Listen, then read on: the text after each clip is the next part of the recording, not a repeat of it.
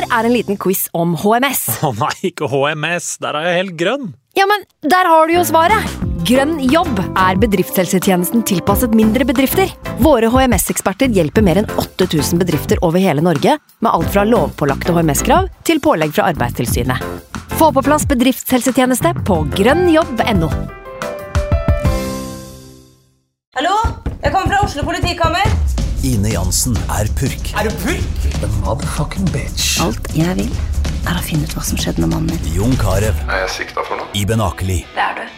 Ole So, Lars Berrum og Big Daddy Karsten. Hvem sin side er du på, egentlig? Anette Hoff, Tone Danielsen, Kommer du fra Afrika?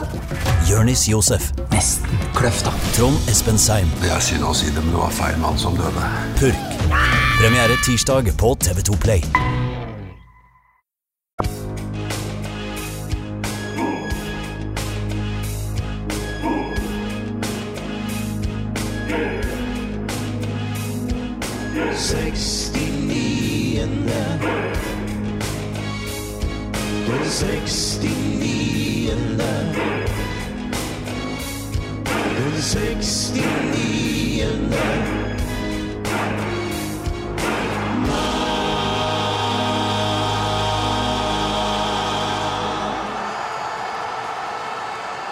Etter at Uefa utvida EM-sluttspillet, er det nesten enda vanskeligere å ikke kvalifisere seg enn det faktisk er å kvalifisere seg til sluttspill. Men Norge er fortsatt Norge, og for ett døgn siden gikk det på nok en smell hjemme mot Skottland. Vi skal snakke mer om kampen eh, mot slutten av episoden, for i dag har vi nemlig med oss en ekte legende. Men før eh, han kommer inn eh, her, så skal vi to andre, eller de to andre susebukkene som er fast i denne podkasten her, få bli med. Um, hei, Snorre. Han andre og to andre. Ja. ja, god dag. Åssen har uka di vært? Den har uh, vært uh, egentlig ganske bra. Jeg uh, er på et sånt sted, stadie hvor jeg ja, det, det, tok liksom så lang tid ved studieløpet å begynne å tro på at jeg kommer til å bli ferdig, men nå er det én uke igjen, og nå tror jeg faktisk på at nå kommer jeg til å bli ferdig. Jeg kommer til å bli ferdig utdanna, og da slipper noen kilo av skuldrene. Så nå skal jeg ikke klage. Men det er mye jobb igjen og noen seine kvelder og sånn, så det er ikke helt i mål, men jeg er på en bra plass i hodet. Det, selv om det har vært mye mas og, og sånt. Men vi har hatt noen deilige varme dager i Trondheim, og det er ikke, det er ikke hver dag. Så det, det, veier jo litt opp. I dag så var det noe som datt ned fra himmelen. Jeg skjønte ikke helt hva det var for noe, så jeg måtte ut og se. Men uh, jeg tror de kalte det for regn. Jeg er litt usikker, men uh... det, er ikke en av de vi har sendt opp til 69-melen tidligere, som uh... Nei. Nei. det var ikke det du fant? Du fant ikke det i hagen? Nei, vi Ja. Men vi har en kar som sitter i termodressen oppe i Bodø òg. Hei, Frank. Har det Termodress er ikke behov for nå. Nå er jo sommeren endelig kommet til Nord-Norge også. Så... Endelig passert åtte grader? Ja, Nå er, det, er det fire grader og sludd, så nå er sommeren i gang. mm. Absolutt. Nei, det er endelig sol og varme i lufta her i nord. Så da har helga egentlig vært tilbringt mest mulig utendørs. Så det har vært herlig å ja, kjenne litt på varme og sol på kroppen. Og ta seg noen pils i sola og bare nyte. Så jeg har hatt in en innholdsrik uke sjøl, så kan jeg starte med at jeg fikk en fartsbot. Da. Jeg var på jobb i Kongsberg og ble tatt i 60-sona.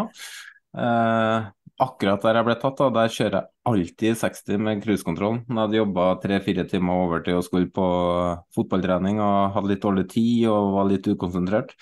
Satt og hørte på oss sjøl på podkast, faktisk. Og så Der sto uh, onkel politi og Ja, hva tror du jeg ble tatt til? Også? Nei, altså, det, I og med at du spør sånn, så jeg håper at du har hatt cruisekontrollen på 69. Det ble 69. så um, det ble, det ble, en liten bot. Men, Men um, er, har, har, han der eh, som tok deg kontroll, er det han Søring-Lars som jobber oppe på Bodø politikammer? Det var Kongsberg politikammer, da, så jeg var jo livredd. Ja, ok. Ja. Men um, altså, i går var jeg et veldig fint bryllup oppe i Midtåsen i Sandefjord. Det ble noen, det ble noen enheter, uh, ganske mange enheter. Egentlig altfor mange enheter. Så i dag så har jeg egentlig bare sovet og vært helt uh, slått ut. Uh, men i bryllupet så var det en kar som het Severin, og han fortalte oss at han var en fast lytter av uh, podkasten. Severin er sunnmøring og har bodd nesten hele livet i Ålesund. Da burde han selvsagt ha vært en ihugga Ålesund-supporter, men nei da. Han er blitt uh, ihuga Bodø-Glimt-supporter. Smart, smart fyr. Da var det ganske passende at Severin var den aller første som eh, møtte veggen og måtte finne senga si i går, syns jeg. Så um, moralen i historien er ikke hold med Bodø-Glimt, for da møter du bare veggen. Men uh, nok om oss. Nå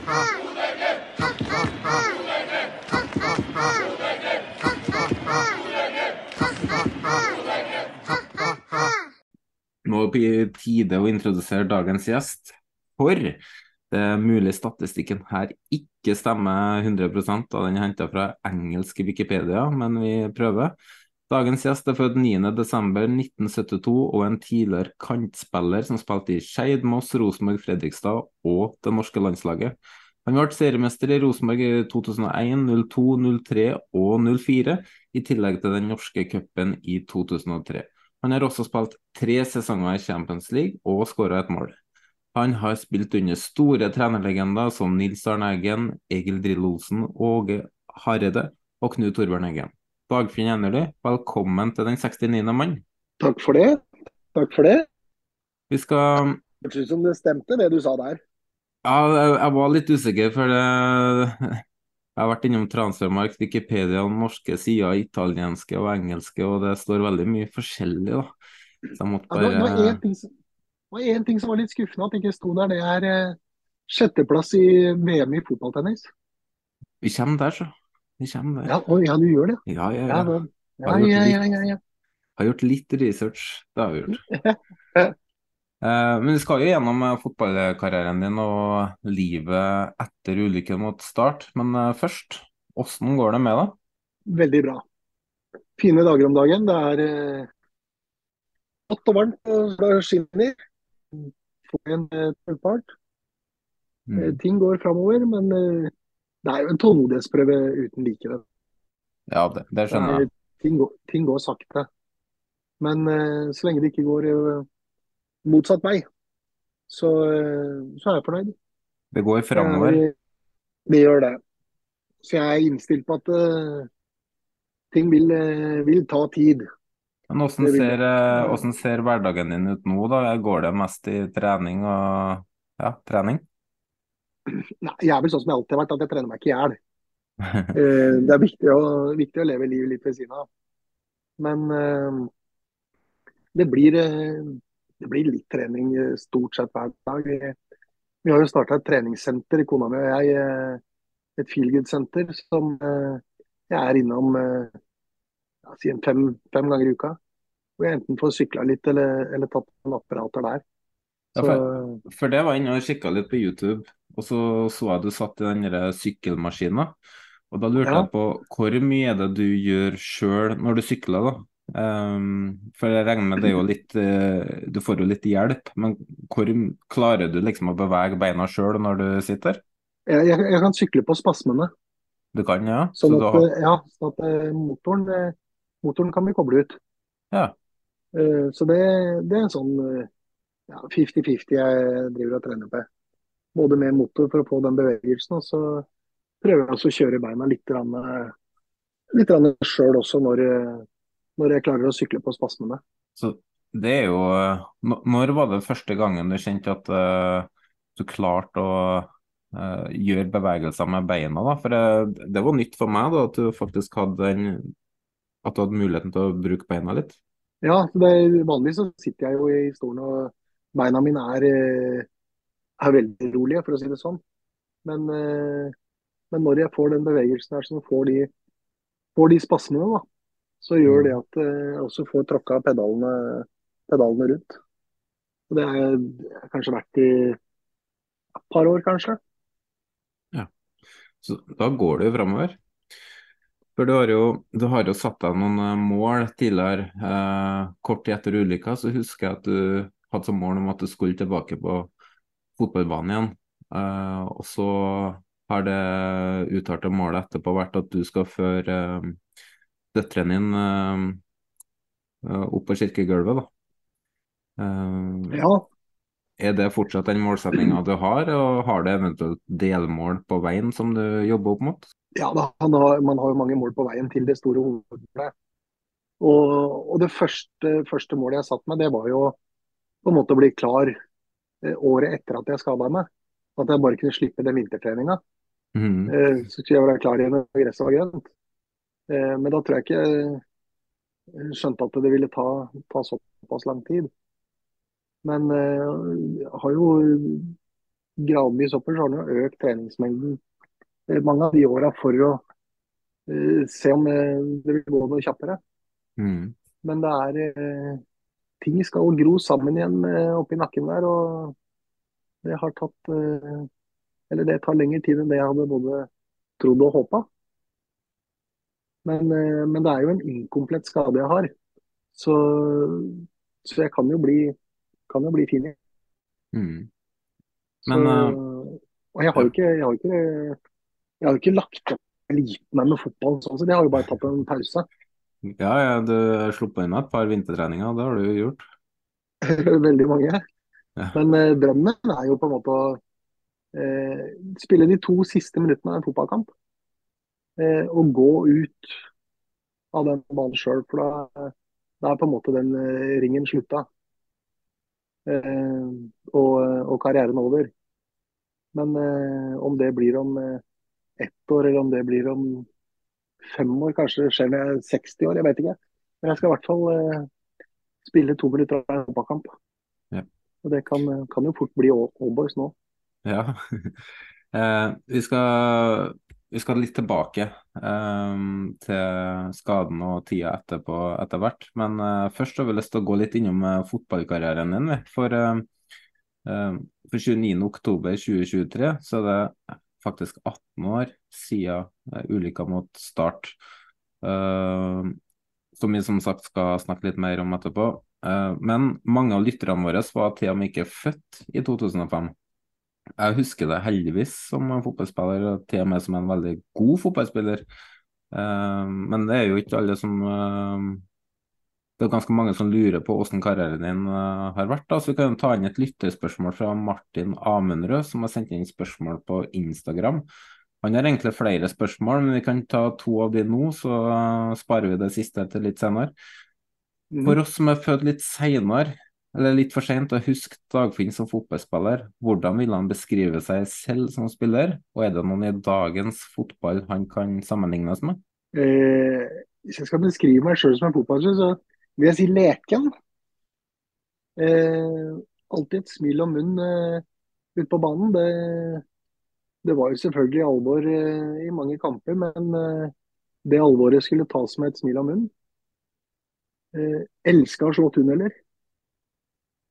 Eh, glad i å skyte. Eh, opptatt av medspillere som eh, gjør medspillere gode. Men det viktigste er nok leken oppi dette her. sånn. Ha det moro når man spiller fotball. Jeg, jeg syns jo leken er en veldig fin beskrivelse. Jeg husker jo det her dempinga di med trøya når ballen kommer ned ute på, på sida. Ja, ganske sånn unikt i forhold til hva du ser en fotballspiller egentlig gjør. ja det, det, det, Jeg syns det er litt for lite av sånt nå. Det er, eh, det er litt for mye alvor i fotball nå. Savner, savner mer den eh, Slå en tunnel og gi et smil etterpå, og så gå videre. Ja, for eh, vi har faktisk eh, fått inn et lyttespørsmål fra Mats Muri Lø Løberg òg, som eh, går på det der. For uh, han husker at Enerly en gang eh, på en solfylt sommerdag på Lerkendal fikk gult kort for å dempe ballen med å dra ut skjorta. Og stemmer det, og hvordan kom han på det? Det var en høy ball som, eh, høy ball som kom, og skjønte vel det at den ballen, hvis den skal lande på foten min, så kan den gå i mange retninger. Så da, da var det greit å dra ut drakta. Og så var det jo sånn at når man først traff drakta, så slapp jeg jo drakta med en gang. Så det var ikke noe i utgangspunktet noe snakk om å låse ballen.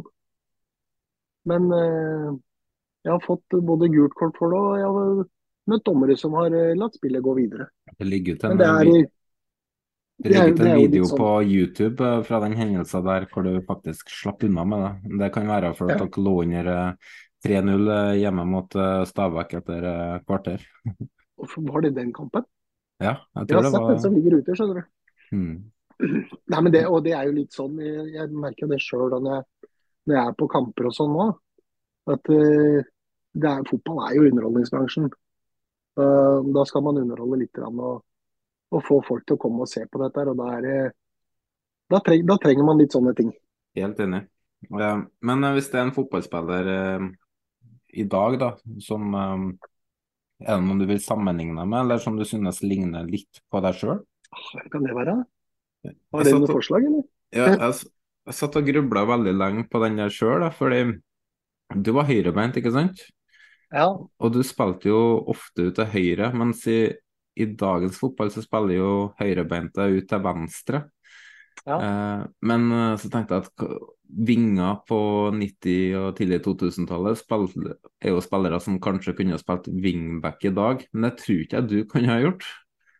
Eh, Nei. Men kanskje Ja, det er for mye løping. Ja, ja. Også litt mye defensivt. Um, ja. Så jeg satt og tenkte en 3-4-3, så tror jeg kanskje en sidetier hadde vært ypperlig for deg. Litt kreativ frihet. Uh, kan komme på skudd. Uh, og ja. Um, det er ikke sikkert det har vært så dumt. Men da, jeg, har jeg, har faktisk prøvd meg som back òg, vet du. Ja.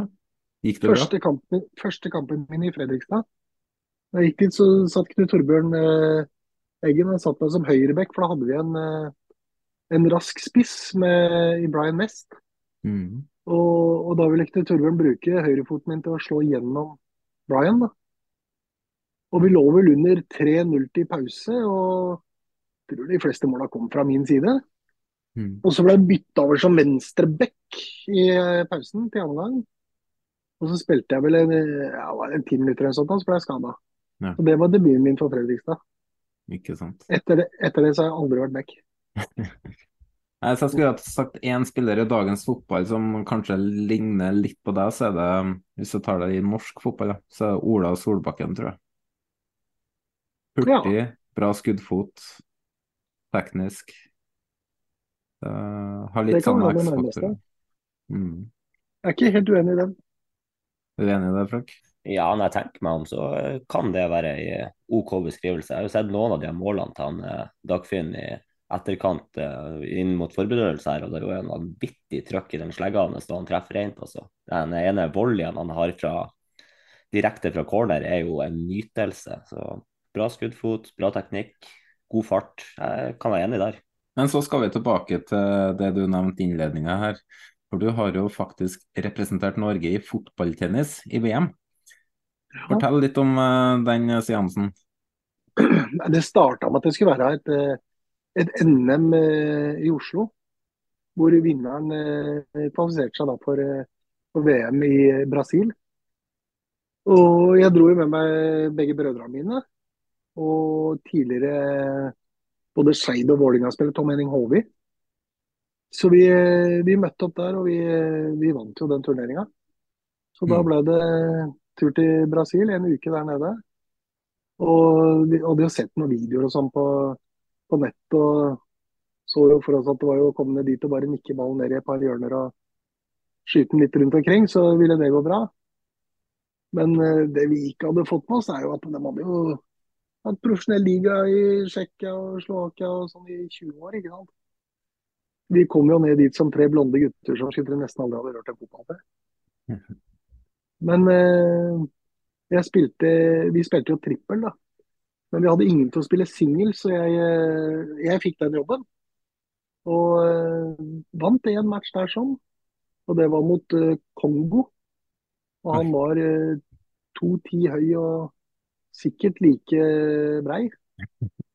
Så, men det, det ble en uh, bra plassering ut av det, i hvert fall. Så det var gøy.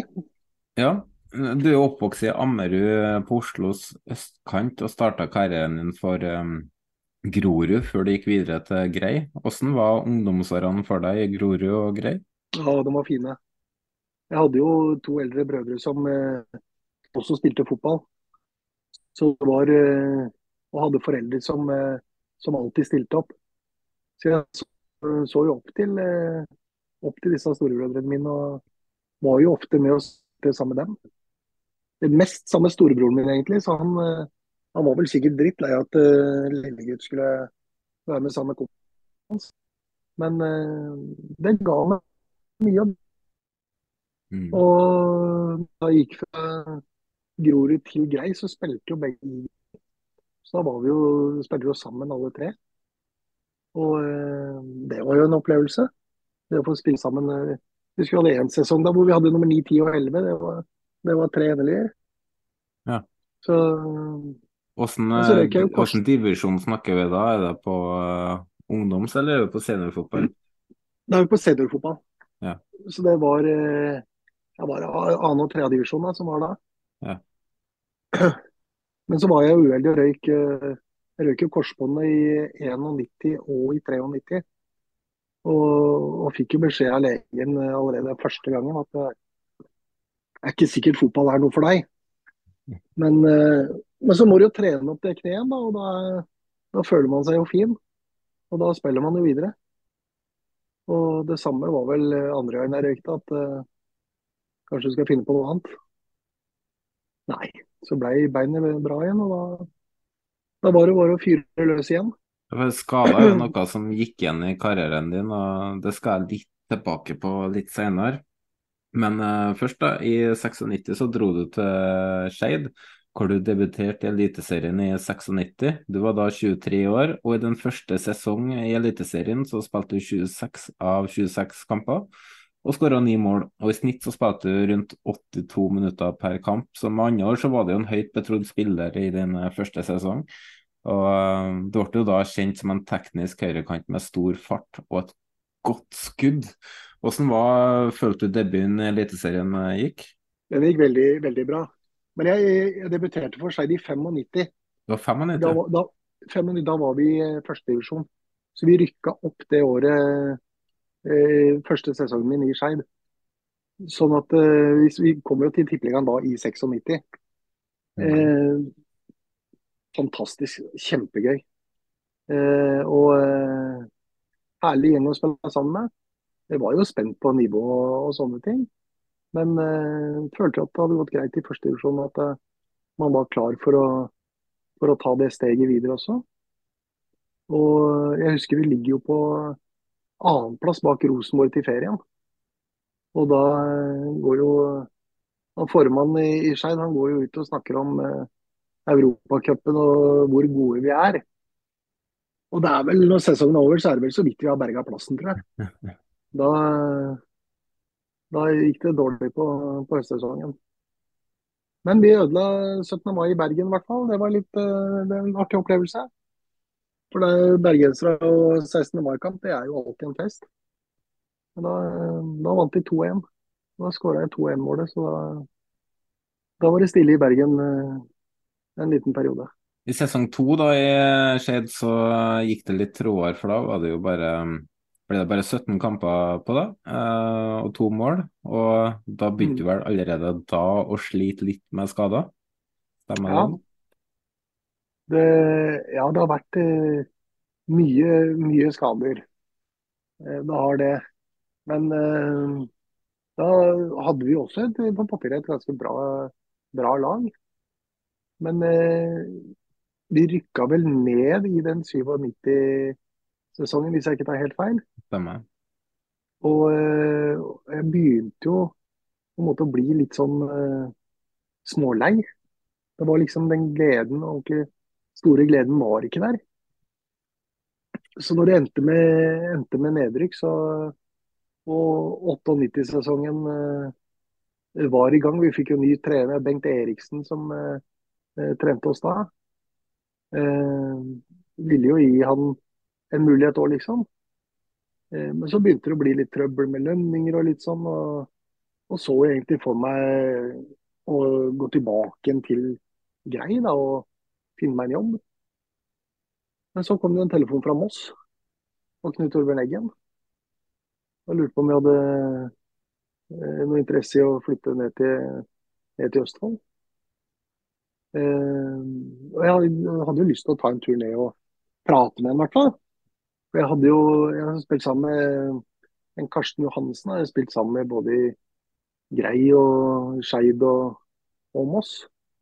Eh, Og han var i Moss da, og, og jeg forhørte meg litt med han. og Jeg tok turen ned og prata, og det var ikke mange dagene etterpå hvor det beskjemaet var skrevet under. Så da, da kom gleden tilbake igjen, og Eliteserien var der igjen. Ja, for uh, jeg sjekka litt statistikk i Moss òg, da. Um, du spilte her i tre sesonger, og ifølge Transfermark så ble det 20 mål på 49 kamper, og det er jo relativt bra. Uh, og så er det da verdt å si at i din siste seriekamp for Moss, så ble det 1-1 hjemme mot Rosenborg, og målskårer der var nettopp du. Og det var det siste du gjorde i Moss før du gikk til nettopp Rosenborg. Uh, hvordan vil du beskrive den tida du hadde i, i uh, Moss? Kjempefin tid. Uh, fikk jo da Knut Torbjørn som trener. fantastisk trener.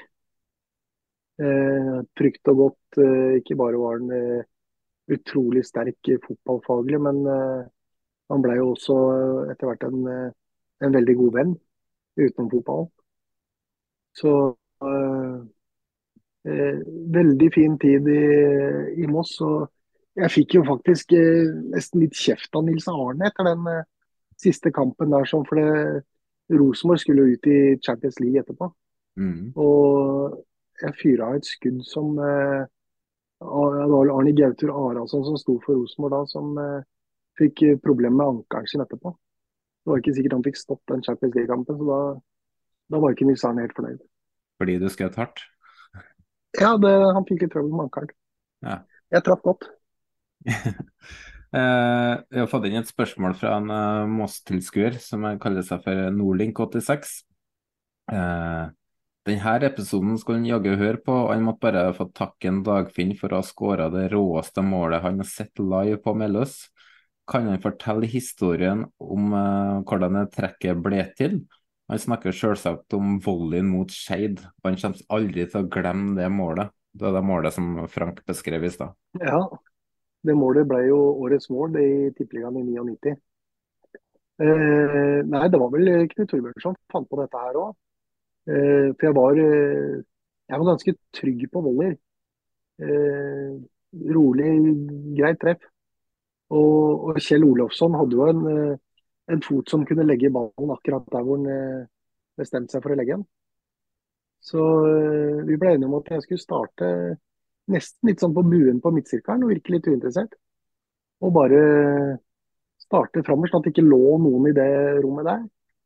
Og Hvis det lå en spiller der, sånn, så skulle en av Mosse-spillerne gå ut og så få trekke med seg han mot Olofsson, da, sånn at det rommet ble ledig midt foran 16-meteren. Eh, og når det begynte å nærme seg, så økte jeg tempoet bare mer og mer. Og, og, kom da i en god posisjon midt foran der eh, idet Kjell, eh, Kjell slår den corneren.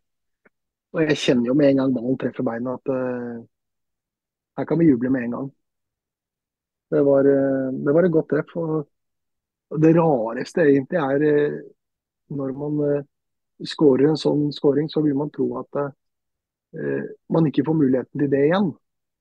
Men vi fikk jo muligheten redde neste kamp. Da Jeg lurer på om det går inn etter hvert, men at det spretter litt og sånn. Og, og tredje kampen på rad, så får vi igjen muligheten. Og, men da blir han redda, redda inn på nei, nærheten av målstreken. da. Og Vi fikk tre muligheter etter hverandre. Det er litt artig at du sier det der, fordi jeg er jo assistenttrener i fjerdedivisjon. Um, og jeg er dødballansvarlig, og vi har det trekket der. Og det funker, det funker hver eneste kamp. For det er jo ikke akkurat sånn at vi blir TV-sendt heller, så motstanderne vet jo ikke om det. Men da har vi en som uh, står på midtsirkelen og later som han knytter skolissa si, og så har vi en som står på 16, og han rykker inn ja. på første. Og han ja. drar med seg en spiller, og så spurte han uh, Marco, som han heter, fra midtbanen. og Sist kamp så skjedde akkurat, altså ganske identisk sånn målet som du skåra. For da han som slo corneren, skal egentlig legge den langs bakken, men så løfta ja. han den. Og da drar han til på heil volley, klink i krysset. Så, så herlig. Så det, jeg tror vi har skåra tre eller fire ganger vi har skåra på det i år, og vært nære på i flere andre situasjoner. Så det funker i 2023 også. Ja, det er godt å høre. Så jeg kan si at det var du som oppfant det, eller Knut Torbjørn, som, som regissøren. Knut Torbjørn skal få den gleden der, ja. Mm. Men du gikk jo til Rosenborg, eh, som sagt, og ifølge um, Transfermarkt så ble det seks mål på 46 kamper der. Uh, eller uh, Transfermarkt mener sju mål på 63, og Wikipedia mener seks mål på 46. Og det er vanskelig å si hva som er riktig her, men vi har fått inn noen spørsmål. Eh, da sier vi 6 på 46, da, for da har du høyest uh, målsnitt. Ja. Uh, vi har fått inn noen spørsmål fra Twitter der også, som går på din tid i Rosenborg. Og tidligere gjest i podkasten, Alexander Larsen, lurer på følgende. Spør om når han ville forlate Rosenborg etter bare seks måneder, og var det kun forholdet til Nils Arne Eggen som var årsaken? Hva var det som endra seg siden han ble værende? Nei, det, det episodegreiene der sånn var jo det at jeg, jeg sleit jo litt med akillesen, blant annet. Eh, og og så var jo nysarene eh, halvveis eh, brutale, liksom. da. Jeg hadde jo selvfølgelig hatt Knut Torbjørn, og de er jo ikke helt ulike, men Knut Torbjørn er jo en, eh, en mye mildere utgave av Nils. Sånn at eh, det var litt, eh, litt brutal eh, start. Jeg følte liksom ikke at jeg fant meg helt til rette med en gang. Samtidig som man da eh, sleit litt eh, med, med denne akillesen. eh, Jeg visste at jeg hadde mer å gi. ikke sant? At eh, jeg, jeg har så mye mer å gå på, men eh, det ville liksom ikke ut. Men eh, etter en samtale med Nils Arne om eh, at eh, dette, dette ordner seg Eh, Du skal, eh, du skal ut på høyrekanten der, liksom. Så, så senka jeg skuldra litt, og så ble det jo operasjon på akillesen og opptrening på den, og ting begynte å bli eh, bedre. og Man ble mer og mer kjent med gutta og, eh, og klubben. Så, så gikk jo ting mye lettere. og Da var det ikke noe, da var det ikke noe tvil om at eh, man ville jo være der. For det var jo, det var jo garantert å bli seriemester der oppe. Det var jo nesten garanti for å spille Champions League der oppe òg. Og det er, jo, det er ikke alle norske fotballspillere som får oppleve det. Så det var eh, Når vi kom over den eh, første perioden, så var det en fantastisk tid der oppe. For det er mange som sier det, som har eh, dratt til Rosenborg, og så har de fått en sånn ordentlig tøff start. da. De har følt seg på en måte hva skal jeg si, jakta på første halvåret i Rosenborg. André Bergdømo var vel litt innom det, og Jan Erik Sørensen følte seg da, Han var jo livredd første tida fordi Nils Arne Eggen var etter han hele tida. Men det var visst en del av det å forme de, da. Eller um, bryte Det var, ned var for det, det var jo det Nils Arne var så flink til. Mm. Han skulle, han skulle bryte deg helt ned før han bygde det opp igjen til å passe inn i det systemet. Og eh, Jeg tar en historie hvor vi, vi har formasjon til en, eh, en match. Hvor jeg ligger ute på høyrekanten der sånn, og får ballen fra, fra Skammelsrud. Jeg meg ballen litt framover og slår inn. og da Nils Arne står på sida der og nei, nei, nei, nei. Gjør det der ordentlig. Gjør det en gang til. Jeg får ballen og tar den meg litt framover og gjør akkurat det samme. Slår den inn. Nei, nei, nei, nei. Og fly forbanna, ikke sant. Så roper han da til Skammelsrud. Forklar han endelig hvordan han skal gjøre dette her. Og så kommer Bent bort til meg og så sier han at eh, bare gjør det samme en gang til. Og så gjør jeg det samme en gang til, og så står Nils Arne på sida og klapper. Bra! Bra! Jeg skjønte jo ikke en puck av det han drev med. ikke sant? Nei, det var eh, Men han, han var flink der. Det skal han, eh, det skal han ha for. Uh, fikk enda et spørsmål fra Alexander. Spør om han husker kamp mot Strindheim i 2004. Jeg spilte ikke, men satt tett inntil banen. Han smågulpet og rapte fordi han hadde nettopp vært med familien på Peppes og var ikke forberedt på å starte kampen mot underdogen. Nei, det husker jeg ikke. Nei. Men eh, han hadde vært på Peppes før kamp, altså. Ja, han sier så at uh, han har ganske god uh, hukommelse og uh, kjenner jo de fleste i Rosenborg, så han har kanskje hold i historien, men Ja, jeg, og jeg stoler på det. ja. Men jeg, men jeg husker det ikke. Nei. Men i den første seriekampen Rosenborg, så ble det 4-3-tap borte for Viking. Eh, Ja. Jeg mener jeg husker den kampen, for um, du var på skåringslista. Og jeg lurer på om Azar Karadas debuterte den kampen som midtstopper? Eller er helt på bærtur?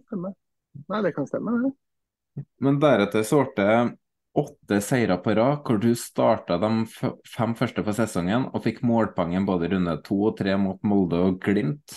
Men uh, når jeg går gjennom sesongen 2001, så ser jeg at du ofte er ute av troppen og i lengre perioder. da. Er det den uh, såra akillesen som var problemet der, eller var det bare andre skadeproblem? Jeg hadde på de, eh, på de fire åra, eller tre og et halvt åra jeg var i, i Rosenborg, så opererte jeg jo akillesen tre ganger eh, og skrapa den. Og eh, eh, hadde jo en annen operasjon hvor jeg var inne og fjerna en, en slimpose på kneet. Jeg lurer på om jeg også nå oppe i Trondheim jeg fjerna en løs beinbit i kneskåla. også. Mm. At det var det var flere flere episoder der sånn. Men ja, vi, eller jeg hadde hadde noen, eh, noen problemer som eh, Men selvfølgelig så var det jo også eh, masse gode spillere der oppe som også gjorde til at jeg Jeg spilte jo ikke alle kampene. Men det, det var på en måte eh, lett å akseptere. Når det var så mye gode spillere der oppe, så da var det bare opp til meg sjøl.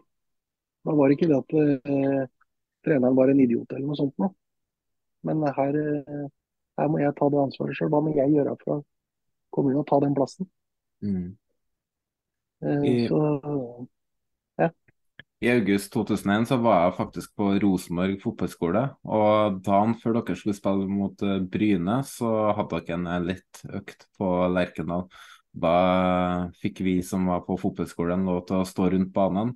Men jeg var jeg er jo litt sånn frampå, så jeg lurte meg jo litt rundt, og så snek jeg meg inn på banen, og så gikk jeg og satte meg attmed deg, eh, for du du, du sto med fysio, da, og um, du, du er omtalt som en veldig blid fyr som alltid er positiv og smiler.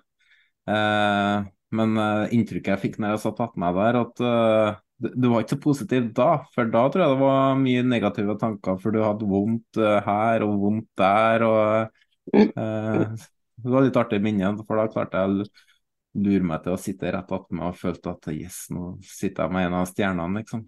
Så, Ja, ja det, det stemmer sikkert at det var eh, Det var jo perioder Det er klart Når du er der oppe, så har du, du har jo lyst til å vise deg fram også. Mm. Men, eh, men så eh, får du de der småskadene hele tida, og du blir jo frustrert, eh, frustrert av det òg. Så Men jeg, jeg, tror nok i utgangspunktet så var det, det var greit å akseptere at man uh, satt litt på benken. Men uh, man ville spille, og når man ikke fikk det, så blei man jo Ja, man blei jo frustrert.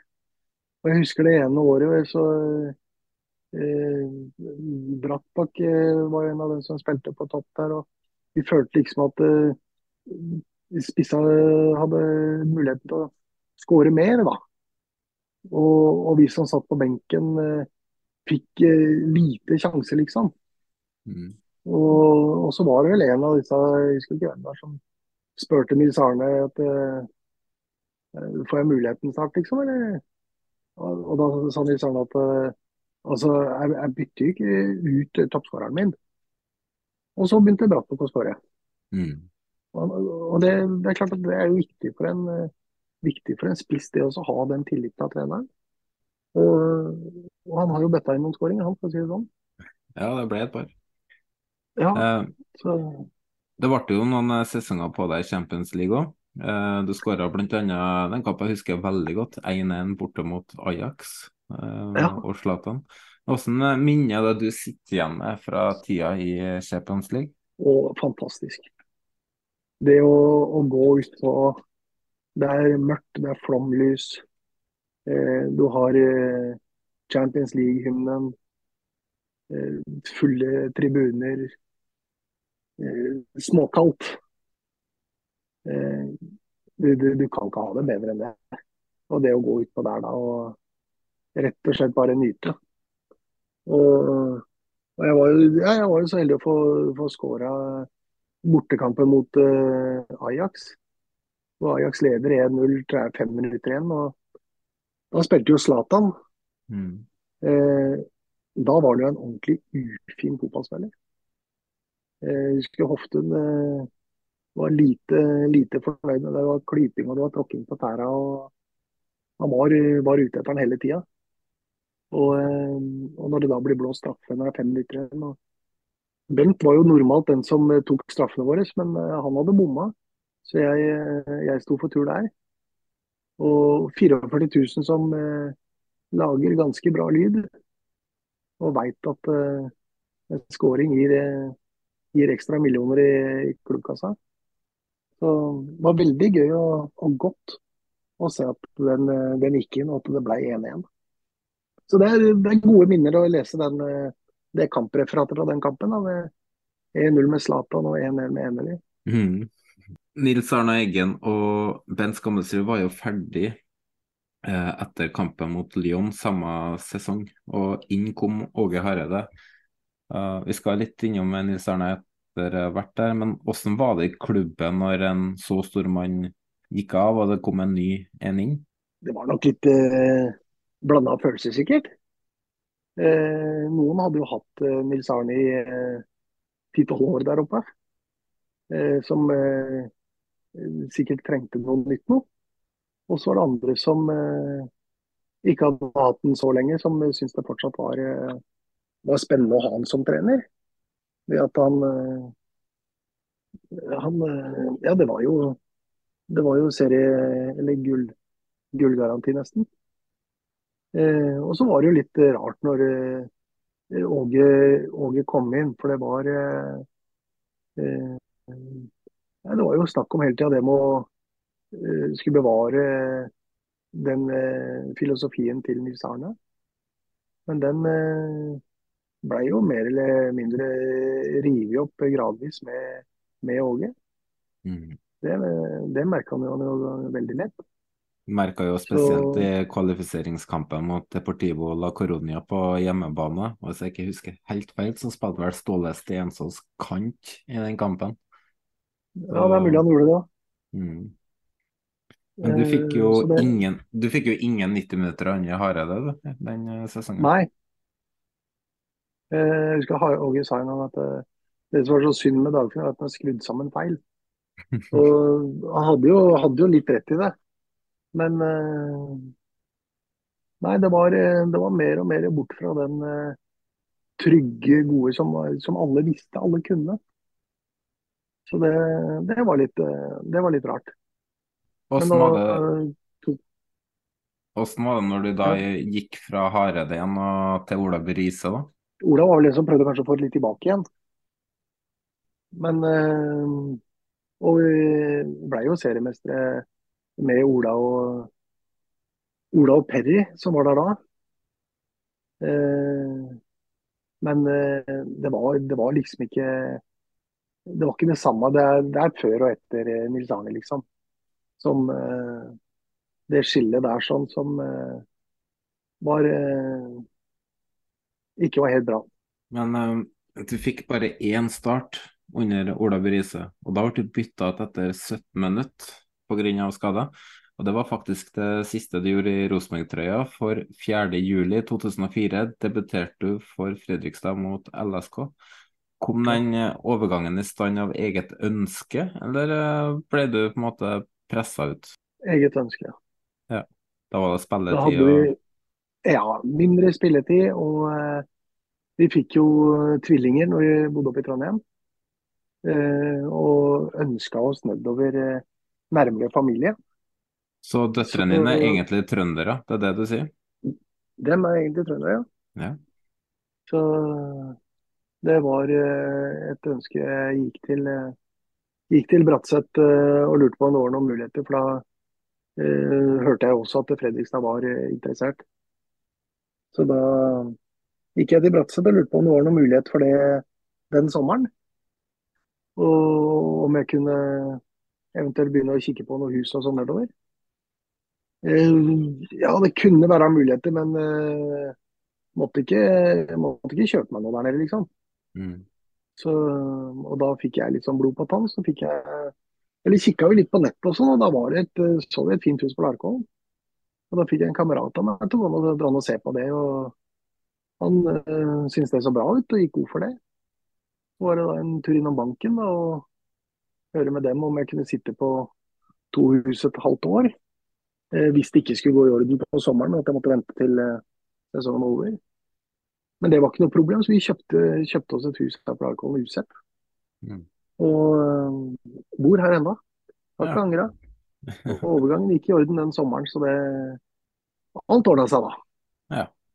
Og det var jo fotballfeber i Fredrikstad den gangen der. Det fikk litt sånn tung start på din tid i Fredrikstad, men så etter hvert så løsna det ordentlig, og det ble jo seks seire og to uavgjort og null tap på de siste åtte kampene.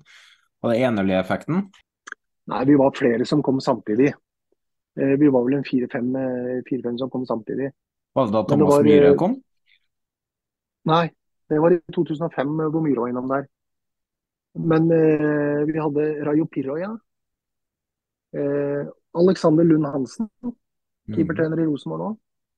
Eh, Bora Sirkovic eh, kom fra et eller annet sted. Og ja, var vi, var vi, ja, vi var vel kanskje en eller to til. Det er litt kjedelig ikke kunne huske alle navnene. Ja.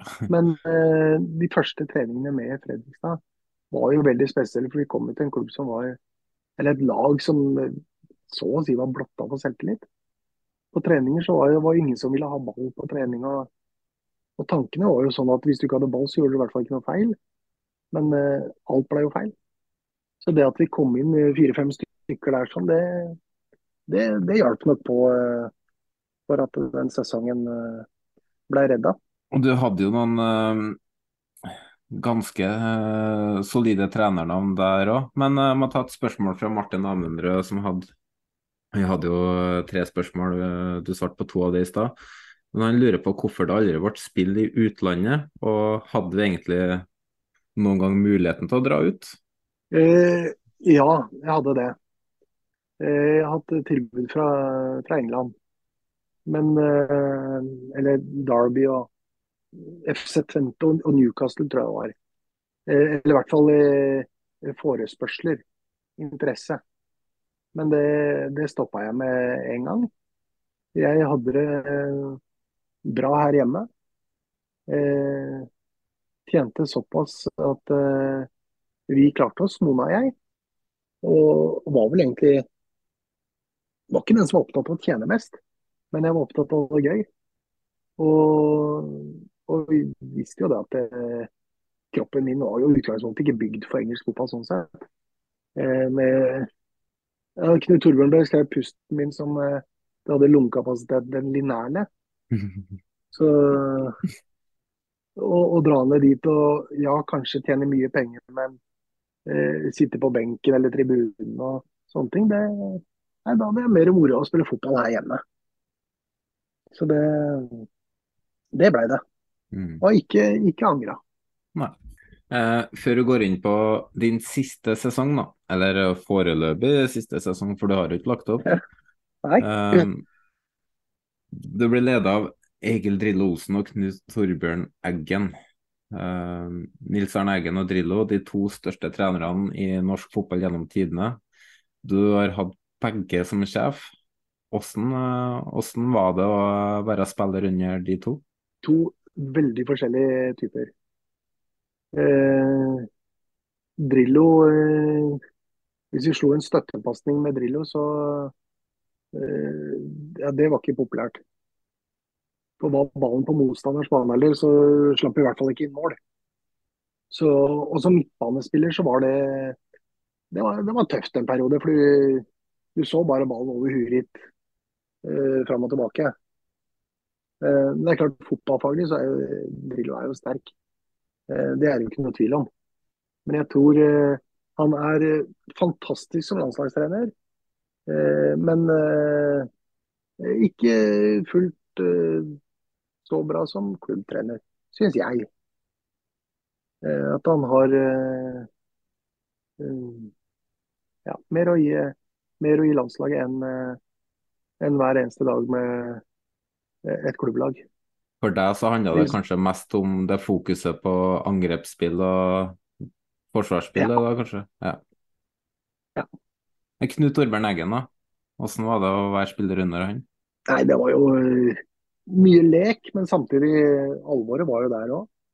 Men uh, den tilstedeværelsen som han hadde, satt igjen i garderoben, tulla og tøysa, mm, var, eh, var den du kunne ringe til hvis det, hvis det var noe.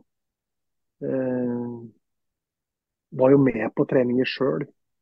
Var, eh, var en del av gruppa, samtidig som det var en person som du hadde voldsomt respekt for. Eh, er vel eh, Jeg vil si at han eh, er vel kanskje den jeg verdsatte mest eh, som trener av de, de store som, som jeg har hatt. At uh, Han var den jeg syns var best av dem. Men hvordan var ditt forhold til han på personlige plan, egentlig?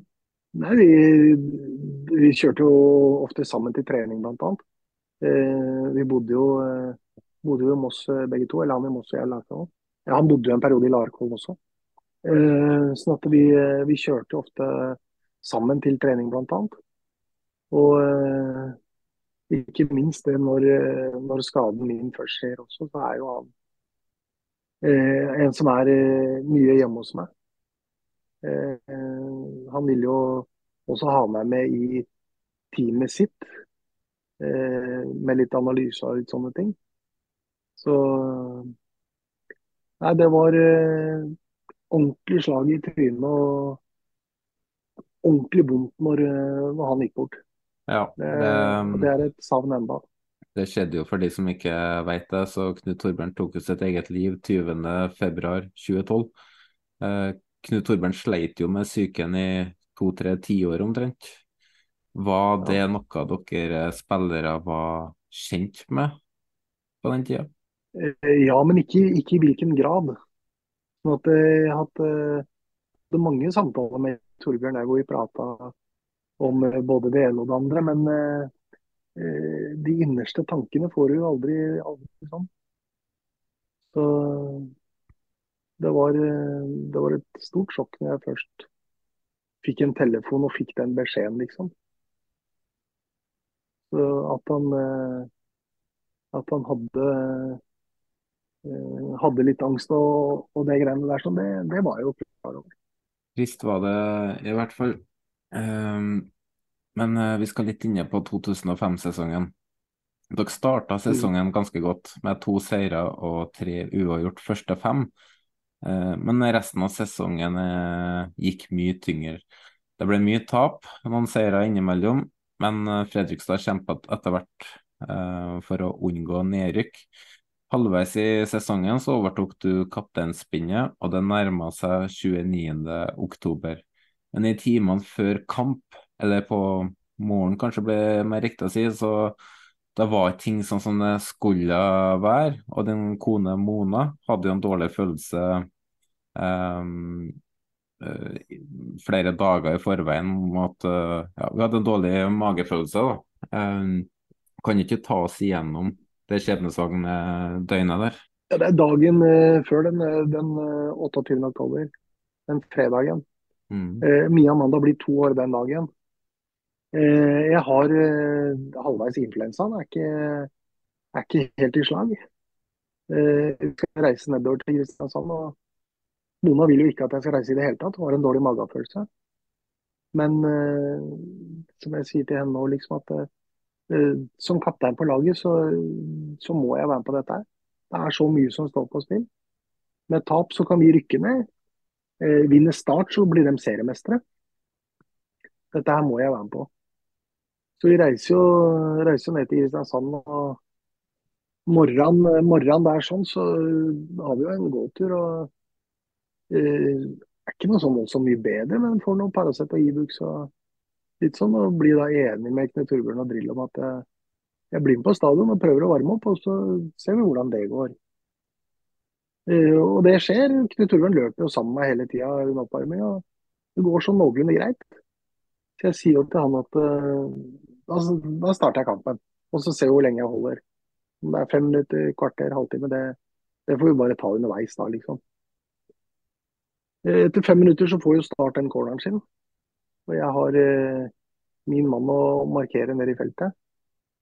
Idet corneren blir slått, så følger jeg jo min mann på løp framover. Eh, blir eh, dytta litt eh, sånn lett, i hvert fall at jeg mister balansen. Og havner sånn halvveis, eh, halvveis sittende på rumpa. Samtidig som det er to stykker som går opp i en duell rett foran oss. Eh, hvor han ene mister balansen i lufta og, og detter da oppå hodet mitt. da. Så jeg blir først pressa framover når jeg sitter, og så deiser jeg rett tilbake igjen og havner på ryggen. da. Og Fra det øyeblikket der sånn, så, så er det bare øya mine som virker. Det er alt annet, alt annet er dødt. Så jeg skjønner jo, skjønner jo at det er noe. Eh, blir jo da liggende der. De kommer jo ut, blir etter hvert eh, frakta ut med båre til sykehuset. Eller kjørt til sykehuset. Men på, på den turen eh, på vei til Kristiansand sykehus, så får jeg med meg Tor Tronsen. Som eh, jeg har spilt sammen både i Moss og, og Fredrikstad og Rosenborg. Eh, og eh, det var trygt å ha en, ha med seg en.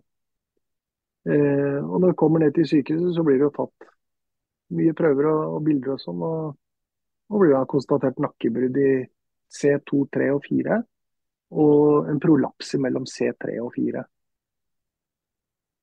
Og skal da bli kjørt videre til uh, Ullevål. Egentlig med helikopter, men det er dårlig vær, så jeg blir jo rulla inn i en bil. Tor er med på starten av den turen. Uh, men etter hvert så hopper han da inn uh, i spillebussen. Vi møtes, møtes på veien. Og så drar jeg videre til, til Ullevål. Uh, igjen nye prøver og bilder. Og Mona kommer etter hvert til Ullevål, hun òg. Blir eh, smugla inn eh, bakveien. For det er eh, utrolig mange som heter Mona Eneli akkurat den kvelden der sånn. Som ringer, eh, ringer sykehuset og utgir seg for å være henne da, for å få informasjon om hva, hvordan tilstanden er. Men eh, når hun da kommer inn på rommet mitt, så Det første møtet vårt er jo på en måte Uansett hvor tøft og vanskelig dette blir, så, så skal vi klare det. Og resten er trening og mm. mange fine dager. Men Det er kanskje et vanskelig spørsmål, da. Men uh, uh, du ble sikkert uh, på et tidlig tidspunkt fortalt hvordan prognosene var. Men når var det det først egentlig gikk ordentlig inn på deg, og der du hadde et øyeblikk og bare Å, faen. Det var De opererte meg jo ikke da før på mandagen. For det var, eh, det var tre pene brudd. Men uh, de ville fikse opp i den prolapsen. Så de gikk ned i hofta og henta henta eh, litt bein der. Og, og etter hvert så ble jo pusten dårligere også. Og det var snakk om respirator, og det, det, var ikke jeg noe klar for. Jeg så for meg at uh, respirator det var uh, siste utvei før hun daua. Uh, var livredd for å dø. Og, og de tankene var begynte å komme seg mer og mer. Jeg, etter hvert så havna jo Lungene ble jo svakere og svakere. Jeg hadde jo en lungekapasitet på 17% Det er jo det samme som eh, Kvisvik hadde når han spilte i Fredrikstad. Så det, da, da, har man noe å måle opp mot. Det, det, er jo ikke mye. Så eh, da bestemte de seg for at eh, det ble respirator. Og det var på en måte litt godt å få hjelp til å puste. Men eh, samtidig så var jeg også mye plaga med væske i lungene. Og, og, når det begynte å fylle seg, og du følte at du ikke fikk, fikk puste ordentlig da, at det, Jeg hadde ganske mange ganger hvor jeg tenkte at det, nå er det siste minuttet. Det, det er det minuttet vi er ved nå, liksom. Men eh, Da var det inn med en slange i halsen og, og få sugd opp alt det slimet. Og så gikk det gikk noen timer igjen før, eh, før det fyltes opp igjen. Jeg har jo lest eh, boka di. Eh, Jeg er ikke noen sånn lesehest, jeg er ikke så glad i å lese så mye bøker. Men eh, det var faktisk den første selvbiografien jeg, las. Og siden den dagen så har jeg alt jeg har lest, da, har egentlig bare vært selvbiografier fra fotballspillere. Men eh, Ja, det det. det har jo, har jo vært Jeg lest litt om det tidligere, men du, du beholdt jo humoren oppi det hele, da. For eh, Mona sa jo et klipp jeg så på YouTube at eh, du klarte jo ikke å prate, så hun måtte lese på leppene dine, og så skulle de ta Jeg lurer på om det var morgenstellet uh, med deg, hvis du skjønner åssen historie jeg er på ute etter her? Ja. Var, det var, det var morgenstellet. Og, og Mona var jo på rommet mitt. Og det var jo, det var jo Mona som ga meg trygghet. Ikke, ikke alle sykepleierne og legene som, som kunne alt om dette her sånn. Eh, men det var Mona. Så jeg ville jo at hun skulle være inne på rommet når eh, Eller til enhver tid, da. Og så skulle vi ha morgenstell, og det kom jo da inn en sykepleier og skal vaske meg. Men så trengte jeg jo hjelp av en til, for det, jeg måtte jo snu meg en sånn tømmerstokkbevegelse. Eh, sånn at hele kroppen ble vridd over på siden samtidig. Og da står jo hun studenten og hun sykepleieren på den ene siden, og, Mona sitter på en stol på, på den andre siden. Og når jeg blir vippa mot henne, så ser jeg hun rett i øya. Og da forklarer jeg med leppene at uh, spør om jeg har deilig rumpe. Nei, nei, jeg kan ikke si sånn, sier Mona. Så hun ga meg det blikket tilbake. Men uh, jeg blikka jo tilbake igjen. Men det er klart, du skal spørre om det. Så hun spør jo om det, da. Og jeg fikk jo aldri noe svar.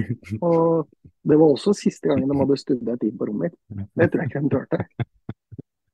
Men det var, det, var viktig, det var viktig for meg. Ikke det å få vite hvordan, om jeg hadde deilig rumpe eller alt det der. Men eh, det å fleipe litt. Ufarliggjøre ting. Så den, eh, den humoren har eh, fulgt oss hele veien. altså. Det, det har vært så viktig for oss. Og det redda oss. Eh, Du har ved flere anledninger snakka om eh, det å være positiv, og du ser hele tida muligheten der andre kanskje ser problemer. En eh, fantastisk god egenskap, men nå er det snart 18 år siden. Har du på et tidspunkt møtt veggen eller hatt det tyngre enn andre dager? Selvfølgelig, jeg kan ha tunge dager som alle andre. Men det er jo mer å prøve å tenke, tenke inn på det, på det positive som man har, da, som man kan gjøre noe med. Eh, jeg har jo en fantastisk familie rundt meg hele tida. Eh, Søsken og alt det. Mamma som eh, er der. og det, det å ha dem der gjør jo også ting, ting mye enklere enn mange av dem jeg møtte på, på Sunnaas bl.a., som var alene eller som var i et forhold, og så ble det forholdet slutt når, det, når den ene parten fikk en skade eller noe sånt. Så jeg eh, Jeg tror nok de fleste dagene mine eh, er, eh, er gode. Og jeg sier til meg sjøl også at, hver morgen at dette her kommer til å bli en bra dag.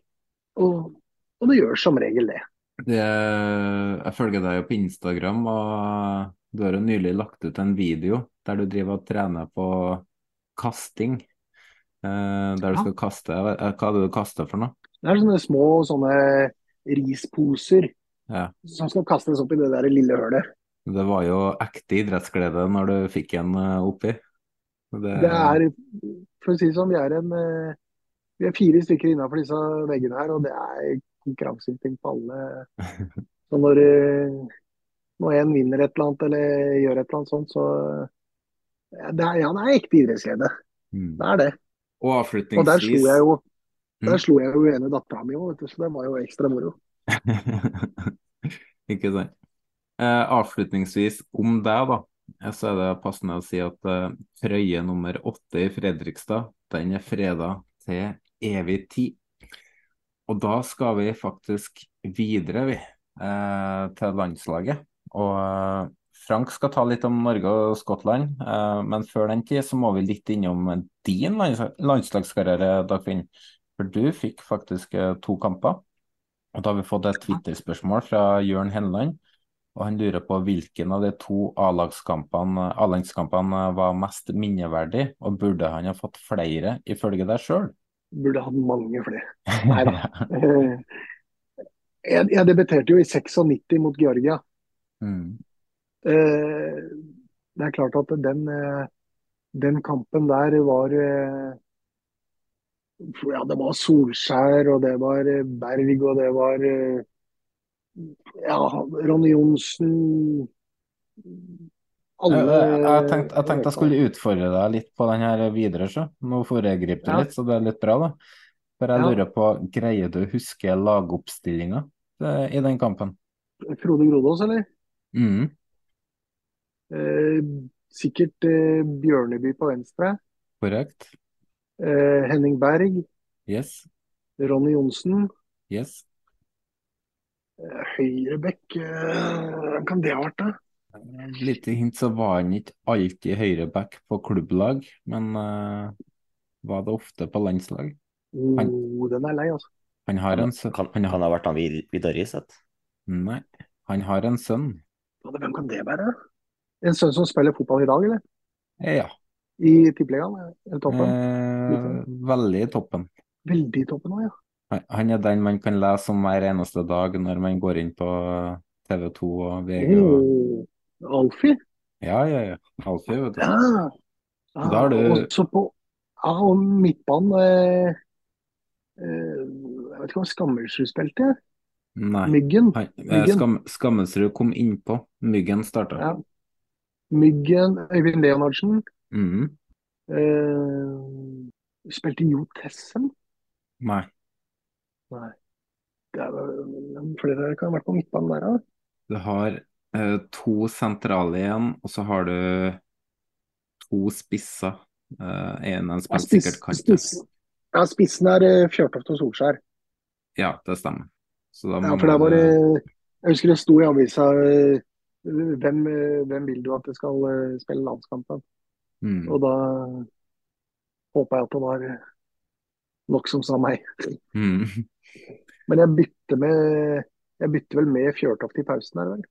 Eller uh, Lurer på om det stemmer, ja. Du kom inn til pause, i hvert fall. Ja. Ikke Solskjær. Nei. Han spilte eh, heller. Ja. Ståle Solbakken. Ståle Solbakken kom innpå. Han kom inn på? Sammen med Tor André Flo og deg, og nevnte Bent Skammelsrud. Jeg kan jo ta det, da. Det var Kjetil Rekdal og Petter ja. Rudi.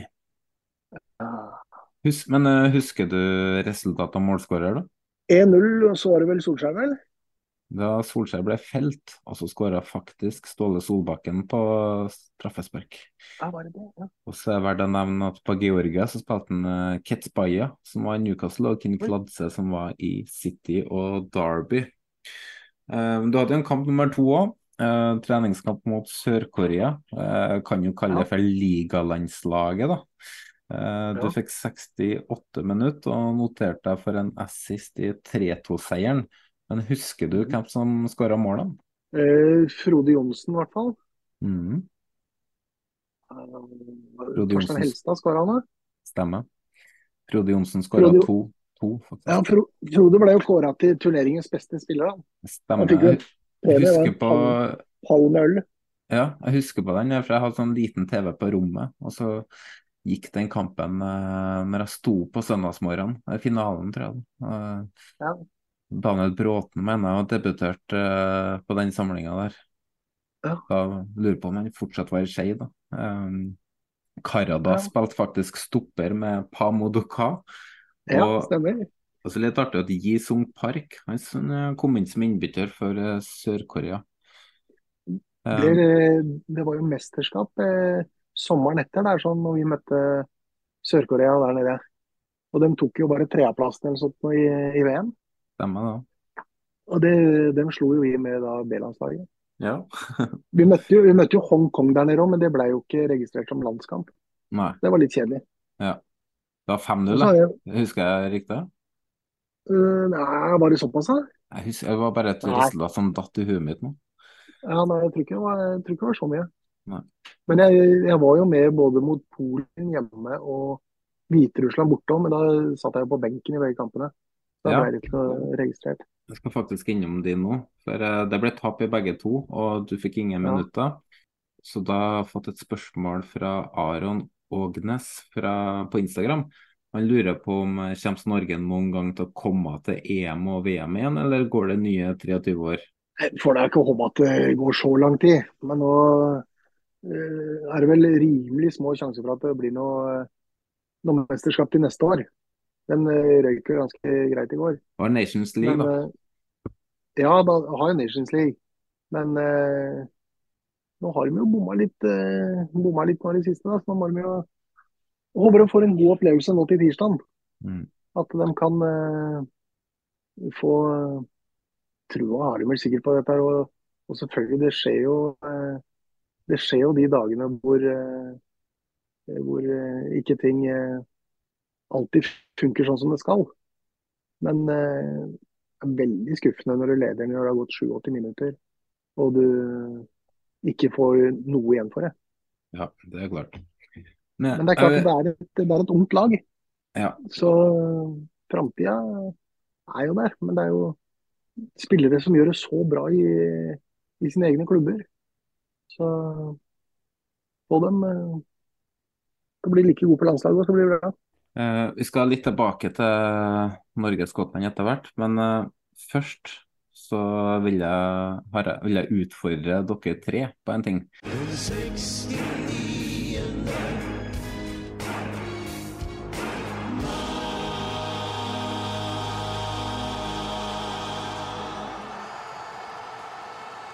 For uh, jeg har nemlig forberedt en Jet Elver fra de to kampene, eller fra den ene kampen da, hvor du var på benken i 2-3-tapet for Polen. Eh, hvor bl.a. en ung Jerzy Dudek kom inn som innbytter. Da får dere 60 sekunder på dere, alle tre. Eh, der dere skal komme med så mange navn som mulig. Og her er det bare å tenke høyt. Eh, skal gi dere et hint, da. Norge står oppført i en 4-3-3 slash 4-5-1, men det er tre midtspisser eh, som starter den kampen. Og et nytt hint, da, for det er ikke så lett å huske årstall og spillere. og Dere har jo eh, fått et hint om at Nils Jonsheim var trener, men for at Snorre ikke skal tippe på Christian Grindheim, Kristoffer Hestad og Moa, så skal dere eh, få navnet på to innbyttere som kom inn på kampen. Det er Tor André Flo og Steffen Iversen. Skjønte du oppgaven, eh, Dagfinn? Ja. Hva var, hva var året igjen, Jonas? Eller? Ja, 2002 eller 2001? 2002-2001, ok. Ja, for Ja, det har jeg glemt å skrive. Vet du. Ja, for det, jeg bare kjente panikken er i ferd med å ta meg. For det her eh, Jeg tror at det er en eh, oppgave som kommer til å hvile på eh, Frank og Dagfinn jeg, nå. Det var det jeg kjente på. Du hadde ikke klart om det var 2000 eller 2021 en gang du, da. Men da har du meg Nei, nei, det var det, men men, men bare, bare for å unngå å si Moa og, og, og Grindheim og. Det var derfor jeg spurte.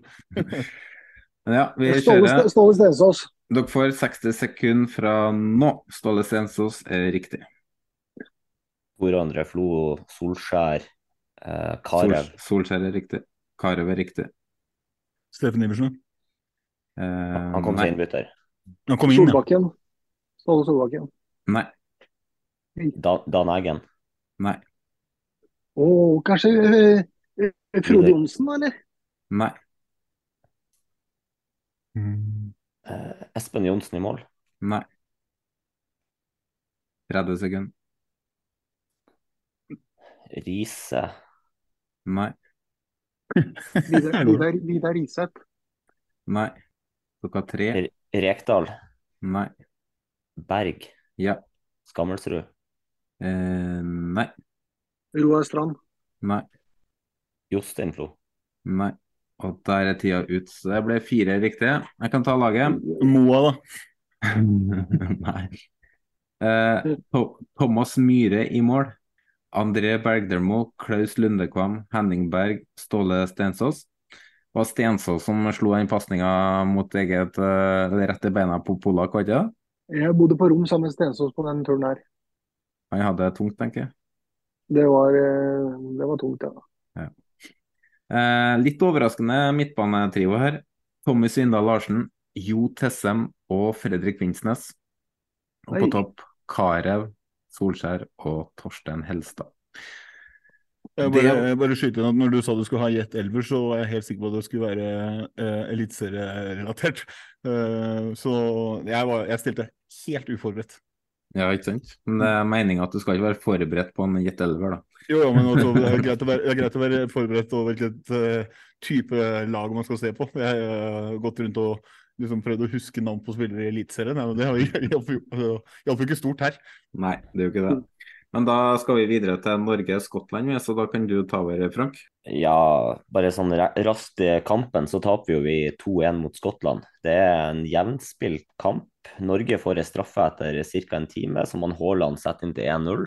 Da Utover kampen så føles det egentlig så at Norge skal kunne ri inn eh, seieren. Eh, 83. minutt så gjør Norge et trippelbytte, og så rakna det totalt på slutten med to mål fra Skottland, da. Eh, Dagfinn, du så kampen? Ja, Ja, hva, du, hva er dine umiddelbare tanker etter at vi snubla mot Skottland i går? skuffende. Det, det var det. Jeg føler jo at eh, Første gangen er dårlig. Det var treigt. Seint. Det var eh, Og kom de først oppover på, på kantlinjen, så var det ofte at de trilla hjem igjen. Og savna at de tok litt mer sjanser. Greit å vente og prøve å se om disse skottene vil komme seg framover, men når den bare ble liggende, så, så syns jeg vi skulle finne på litt mer. Tar seg opp, eh, tar seg opp litt i annen omgang, men eh, mye sånne små, småslurv etter hvert. Og når da skottene først får, eh, får disse måla sine Det er jo ikke vanlig å se sånn det, det frispark vi får fra slutten der, eller på slutten, eh, som sannsynligvis blir den siste sjansen vår. Når, eh, ja, Det er vel Ødegaard som skal spille ut til Jeg vet ikke om det er Meling som ligger ute på venstresiden der, og, og ikke treffer på den sånn at den går over dørlinja. Eh, Sånne ting skjer jo vanligvis ikke. Men eh, det var, eh, det var sånne ting som hopa seg litt opp i den kampen her. sånn. Det var Og jeg Nå er ikke jeg noen trener og alt det der sånn, men jeg syns jo at ting gikk veldig sakte bak der. Og ikke for å si noe stygt om verken den ene eller den andre, men jeg syns det går litt, eh, litt treigt med, med Strandberg. Jeg jeg syns det. Det er jo ikke noe tvil om at, eh, og det er jo ikke for å henge de ut, men vi har jo tapt noen poeng nå både mot Georgia og Skottland på midtstoppere som gjør personlige feil. da. Vi Ja. ryker jo på den stussen og fraløpinga mot eh, Georgia, og det blir sluppet inn der. Og så er det jo ei krampe fra han eh, Østigård som rett og slett Han stoppa jo helt opp med krampe i begge beina, eller hva det var. Ikke jeg skyte inn et uh, lytterspørsmål her når du snakker om Østegård og krampe i beina? Det, det har for øvrig vært sinnssykt mange positive meldinger på at du skal være med her, Dagfinn. Um, Bjørn Rudsagen han lurer på er det ikke rart at Haaland, Berg, Østegård og sikkert flere sleit med beina etter 60-70 minutter, mens skottene løp beina av seg? Eh, jo, det, eh, og man kan sikkert skylde på varmen og, og alt det der, men det var sikkert like varmt for begge lag. Eh, men eh, jeg vet ikke hvor, eh, hvor mye de eh, har rekket å få hvilt seg etter Noen har jo festa i, noen dager òg. Men jeg, jeg mener at når du, når du kommer til en, en landskamp sånn, så da bør du fyre løs. Eh, og, og gjerne jeg, Ja, man kan tenke at man skal eh, At det kommer en match til tirsdag nå, liksom. Men eh, og, og som Ståle sier, at jeg, jeg stoler jo på dem jeg har på benken. Men eh, man veit jo også at eh, som regel så blir det jo litt annet kampbilde når man gjør eh, mange bytter på en gang, da. Ikke noe tvil om at vi bytta oss svakere der når vi tar ut han Patrick Berg, Fredrik Aursnes og Erling Braut Haaland. Så det gir jo tydeligvis et negativt skifte i kampen for oss. Ja. Ja, og det, det, er jo litt det Hvis vi skal se hva folk diskuterer etterpå, så er det jo bytte. Det er dette her med at man reagerer på at flere spillere som sier og uttaler at man ikke er i stand, eller Østegård som står etterpå og sier at han hadde krampe etter 60 og egentlig prøvde å signalisere at det her holder ikke. Det er, eh, det er jo liksom det man sitter igjen med som spørsmålstegn oppi det hele med at eh, er det noen sånne feilvurderinger eh, som blir gjort her, eller har man overvurdert spillerne som er akkurat ferdig med sesong og har tatt seg kanskje en liten ferie eller et eller annet sånt. Jeg ser jo at det er det folk liksom henger seg opp i. Og, og den tredje tingen, da, nettopp dette med stopper Eh, valg. Da. Eh, Stefan Strandberg har jo også vært diskutert eh, tidligere. så Jeg skjønner at spørsmålet kommer. Man hadde ett poeng på tre kamper, og EM henger en tynn, tynn tråd. Det er vel Nations League man må lene seg på. så ja, det jeg, jeg, skjønner jo at det, det, diskuteres, men det er jo mm, mm, Kall det litt merkelig at det er sånne ting man diskuterer. da, Ikke at det ikke er selve kampen, men det er liksom Eh, trenervurdering på slutten der, og, og, og, spillernes form. Det er litt sånn uvanlig, eh, uvanlig å sitte igjen at det er det vi har å trekke ut fra en eh, landslagsnedtur. Du spiller jo hjemme mot Skottland ja, og skårer ett mm. mål.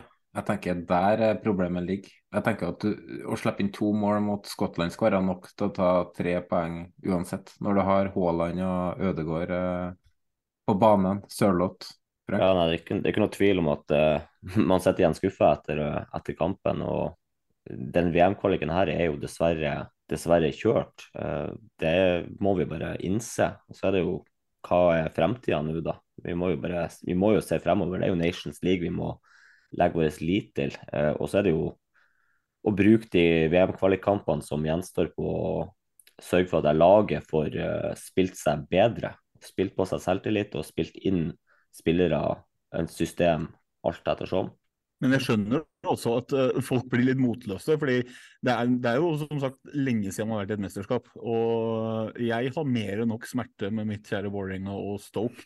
At jeg ikke skal dra på meg dette i landslagspauser også. Uh, det er jo det er ikke mange som har det sånn som deg, Frank, og Bodø-Glimt uh, lever på sånn Bodø-Glimt-periode som nå. Så man blir jo litt sånn motløs av det. Man, man ønsker jo og håper at Norge skal karre seg til et mesterskap igjen. og man har jo spillere som skulle tilsi at eh, vi har bedre muligheter enn kan på mange, mange år. Eh, men eh, så er det jeg, denne... jeg syns jo den trekninga, den gruppa vi har fått der òg, er jo Og i tillegg til det at det, eh, det her blir det største EM-et i forhold til antall lag som har vært. Det er jo det her skulle jo være den gylne muligheten. så Det er jo 23 år uten mesterskap, så det jo, blir man jo trist av å se at vi snubler og snubler og snubler.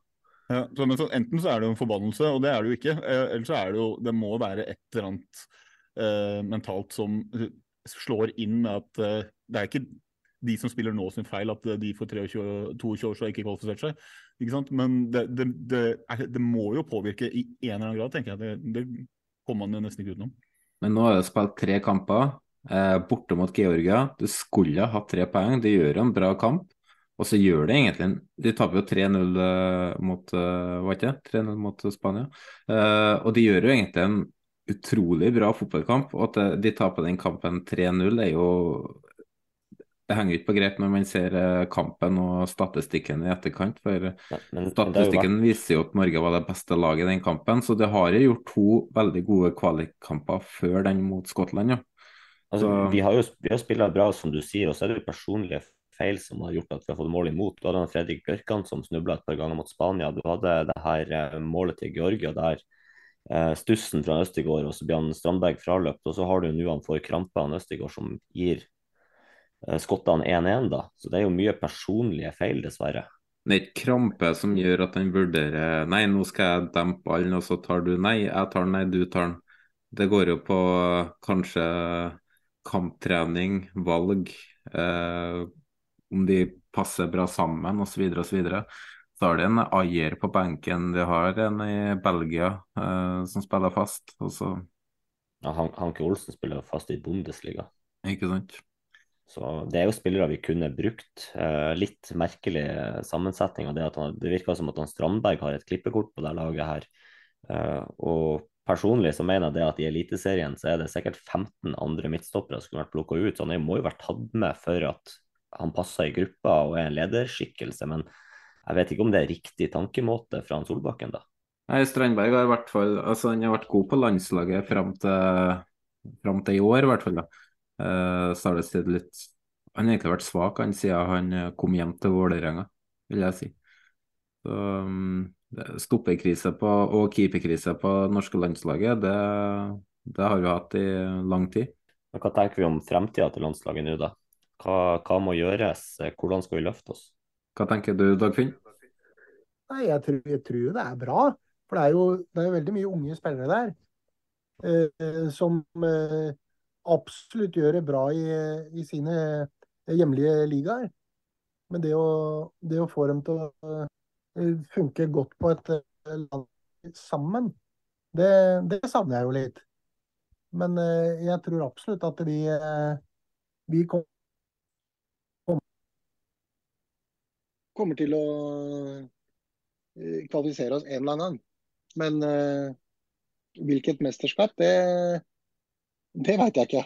Ja, det kan jo som sagt bli det mesterskapet her, da, hvis de lykkes i Nations League. Og um, det har de jo muligheten til å, til å greie. Nå husker ikke jeg hvilket lag de kan ligge an til å møte, men uh, ja. ja det, er jo, det, er jo, muligheter, det er jo det. Det er, det er mange gode spillere. Så må vi bare få dette til å sette sammen som, uh, som blir sagt tidligere, og liksom at det er, det, er det den rette sammensetningen av laget eh, som, som, blir gjort. og det, det er vel kanskje Ståle som har uh, mest kontroll på. Og så er, er, vi alle andre eksperter når vi ser på. Men uh, ikke noe tvil sånn sett at det er, det er en framtid i det laget. Men så spørs det hvor tålmodige vi er, da. Mm. Jeg, jeg, er litt ekstra skuffa over at uh, dette mesterskapet henger i en tynn tråd. Akkurat dette mesterskapet, fordi jeg skal ut i pappaperm i denne sommeren som uh, mesterskapet går. Så det er jo uh, det er jo kjedelig at Norge glipper akkurat denne gangen her, så jeg skulle ønske at man kanskje klarte det, men jeg tror, jeg tror, jo det at når vi er ferdig nå med det her U21-laget som går til det mesterskapet de skal spille, jeg tror det å få opp en Mats Hedenstad Christiansen i keeperposisjon for Norge kommer til å løfte Norge automatisk. Han har lederegenskaper bakfra, han er god på mye. Bygg han for landslaget fremover. Jeg skjønner, jeg skjønner, hva du mener, Frank, men her satt vi faen meg og sa for ti år siden, når, eh, når Nyland etter U21-mesterskapet i Israel kommer opp nå, og Steinberg kommer opp. Jo, jo, men det, det er jo ikke noe quick fix, men start der. Og så mm. få inn satt et stopperpar som kan spille i lag i fremtida. Østigård er sikkert riktig person, men han må begynne å spille fotballkamper på klubbnivå. Enig. Og Jeg sa det jo før mesterskapet her, at nå må de begynne å bruke Mats Hedenstad Kristiansen. Det er ikke sikkert at han er den beste per dags dato, men han blir det. Og han kan bli det veldig fort òg, hvis han får tillit. Ørjan Nyland tok jo kjempesteg han for ti år siden når han begynte å spille både på landslag og klubblag, men Uh, han har jo knapt spilt klubbkamper de siste syv-åtte årene, så, um, så um, etter... få, få han Claesson til en ny klubb, han kan ikke sitte på benken i Leeds. Nå var det Heine Vik på Twitter sa at uh, nå har Nyland flere kamper på landslaget enn på klubbnivå. Du tror det var én god cupkamp kan gjøre for en karriere? jeg hadde håpa litt at uh, Bård Finne skulle komme inn i går, jeg. Ja. Ja. Og herjer så mye som han gjør i Tippeligaen. Og så eh, er i den formen han er i. At, uh, hvorfor ikke, uh, når vi da trenger en scoring og Det er ikke noen tvil om at gutten er en ordentlig måltyv. Vi diskuterte Jeg satt og håpet at han skulle komme inn. Vi diskuterte jo det her uh, for uh, ei ukes tid siden. Og da var det at Pellegrino ikke fikk være med. For da var det hvis Norge trenger en scoring, hvem bytter du inn på? Mats Møller Dæhlie eller Pellegrino? ja. Det er ganske greit svar, egentlig, det der. Ja. Nei, det er dette med form, da. Form eh, over liksom, ja. Eh, nivå på ligaen. Jeg er jo, jeg er jo sånn som har egentlig litt Ståle litt kred for å ta med noen spillere fra Eliteserien før pga. form og at de leverer i norsk eliteserie, men uh, man, man, kunne kanskje trengt en sånn Pellegrino-type når man først har rota det til i går, da. Uh, man kunne det. Så jeg, jeg heller jo mot at form bør uh, kanskje veie mer enn uh, som, hvem som betaler lønna di. Men uh, det er vanskelig. Jeg, er ikke noen landslagsekspert, men jeg ja, mm. liker form. Var det mer da, Frank? Nei, hvis vi ikke hadde noe mer, så kan vi vel få runda av denne sekvensen her òg. Da nærmer seg tida hvor vi rett og slett skal ha en ny person i 69-himmelen, så da sender jeg ordet videre til deg, Snorre. Takk for det. Dagens gjest er ikke nettopp bare gjest, slik som eh, Pernille Huseby, Jonas Grønner eller Jonas Aune Sunde. Dagens gjest er også snart medlem av det aller helligste vi har å by på. Nei, vi snakker ikke om eh, bodyshot-minnene til Frank fra helgen eller Snorres syke, syke historier. Vi snakker selvsagt om 69-himmelen. For selv om eh, mange kanskje tenker på ulykken i siste serierunde i 2005 når man sier navnet Dagfinn Henlie, så husker nok vel så mange at han var en strålende representant for norsk eliteserie og en meget habil fotballspiller. For du må nesten være habil pluss for å dra hjem fire seriemesterskap og et cupgull i løpet av tiden som aktiv spiller. Og det er heller ikke alle som ender på 172 kamper, 44 mål og 19 målgivende på øverste nivå i Norge når man oppsummerer karrieren. Gode tall, men eh, langt fra derfor vi nå er pålagt et nytt innslipp av 69-gudene. Eh, det kunne vært fordi karrierens siste eliteseriemål kom mot Bodø-Glimt, fordi ja, det er jo Glimt, og hvem jubler ikke når eh, de slipper inn? Men det er ikke det. Det er fordi at det er kun én ting som er rimelig sikkert for alle aktive fotballspillere. En dag spiller du din aller siste hjemmematch i karrieren. 23.10 spiller Dagfinn sin siste hjemmematch. Fredrikstad tar imot LSK og har behov for poeng. En kamp som for øvrig endte 1-1. Som kaptein så ønsker du gjerne å spille hele matchen, men det er ikke alltid det blir sånn. Så Dagfinn Enles siste hjemmekamp skulle bli nøyaktig 69 minutter lang. Ja, det er derfor vi ikke har noe valg, og at du nå sendes til 69-himmelen. Hvor opp er ned, og ned er opp. Det var 69-himmelen, og mm, Eh, det var egentlig det vi hadde denne episoden her. Eh, det ble en lang, lang og fin seanse med Dagfinn Enerly. Så uh, vi er veldig glad for at du ble med oss, Dagfinn. Jeg har kosa meg stort. Så, ja, jeg òg. Det er hyggelig å høre. Så kan vi kanskje kan få den som ekspert når Fredrikstad rykker opp, eller Moss rykker opp til Eliteserien, og hvor du får fulgt enda tettere med. Det kan vi få til. Hvis du kan velge en av de opp, hvem velger du da? Begge. ja, den er fin. Det, det, ja, det, eh, nei, det er eh, eh, si, Fredrikstad er jo en større fotballby sånn sett. Mm. Eh, men eh, Moss eh, spiller en, en interessant og attraktiv, attraktiv fotball om dagen. Det er gøy, og, gøy, å se på dem også. Mm. Men det, er klart det er imponerende av Fredrikstad som Eh, er det ti eller elleve serierunder du ikke har tapt ennå? Mm. Eh, det er jo imponerende, men det er klart hvis du vil opp, så kan du ikke ha over halvparten av dem med, med uavgjort. Du er nødt til å få noen flere trepoengere. Det er en ny start med ny trener, da. så det, de har nok sikkert enda mer å gå på, tenker jeg. Ja, men de har fått eh, stengt igjen bra bak og, og bare begynne å få skåra ordentlig med mål og sånn nå. Så kan det bli veldig spennende. Samme med Moss også, Thomas Myhre er sånn. Mm. Det er eh, spennende, spennende å følge med. Så må vi jo få takke deg, Frank, og deg, Snorre. Dere ble ikke så mye med, men dere eh, satt der og lytta. Det var så lite. Frank? Ja, jeg Sjøl takk, skulle jeg til å si. Det har vært veldig interessant å sitte og egentlig for det meste lytte til uh, dere uh, ha samtalen deres. Og så tror jeg til han Dagfinn da, tror jeg kan snakke på vegne av hele Fotball-Norge at ingenting hadde gleda oss mer enn å se at han uh, førte dattera si opp kirkegulvet. Og fikk sparka en ball på en fotballbane. Mm. Ja. Alle er invitert på ja, vi kommer. Vi, kommer. vi, vi dekker det, vi. Med medieakkreditering og dokumenterer det hele. Den er i boks allerede. Ja, nydelig. Og så må vi jo takke Jesper Horten Skjærnes for uh, outro, jingler, Vestfold Lydstudio for intro, Iver Steinsvik for utstyr og Jan Erik Balto for uh, design, merch og ja, all den tiden, uh, alt arbeidet han faktisk legger ned for oss. Så da er det bare for oss å si ha det bra. Hei da. Ha det godt. Hei, hei.